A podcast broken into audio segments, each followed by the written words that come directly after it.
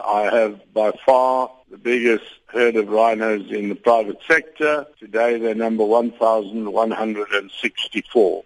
Hume sê om die lewens van sy meer as 1100 renosters te spaar, is dit noodsaaklik dat handel in renosterhorings wettig gemaak word. At the beginning of this year, my security costs were 600,000 rand per month.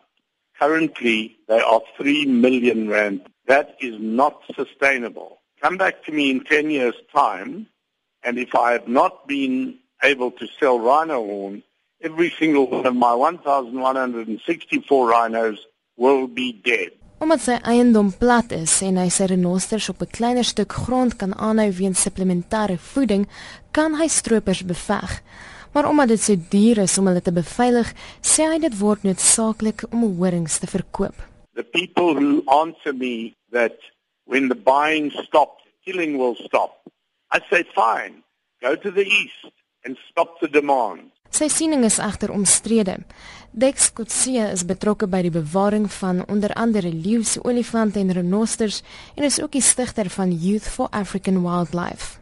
Hy glo die wettiging van verkope sal nuwe vraag laat ontvlam, iets wat ons volgens hom nie kan bekostig nie. 5% van China se bevolking 5 gram renosterhoring 'n jaar gebruik is die navraag oor die 350 ton.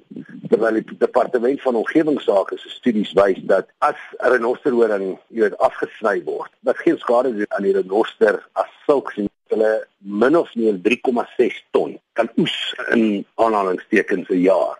Maar wat is die navraag in lande soos Jemen en Taiwan en Maleisië weer aangewakker word Ed Hearn, die eienaar van die Rhino and Lion Natuurreservaat, sê ook handel in renosterhorings moenie wettig gemaak word nie. Die bietjie wetgewing wat jy gehad het wat aan jou kant is om dit te beveg, vat jy heeltemal weg. Maar nou kry ek 'n ou daar loop hy in 'n sak en hy twee renosterhorings en ek sê vir my, "Waar kry jy daai goed? Waar gaan jy met hulle?" Hy sê, "Man, dis wettig, ek het dit gekoop by my pel. Nou wat maak ek nou?"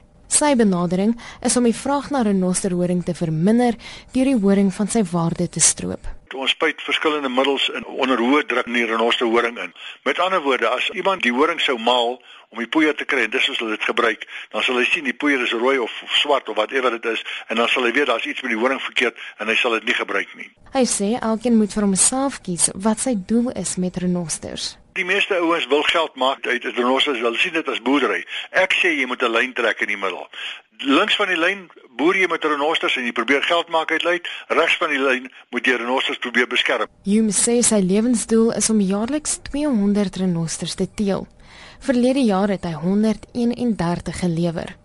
Volgens hom is die interne moratorium die rede waarom stropery eksponensieel toeneem. Boonop is wette om handel in renosterhoring steeds nie doeltreffend nie. This moratorium and especially since those high profile arrests 2010, 11 and 12, the legal and illegal supply of rhino horn from not dead rhinos in South Africa has dried up completely and place has been taken by poached rhinos. Hy glo die moratorium is daarom 'n gevaar vir renosters.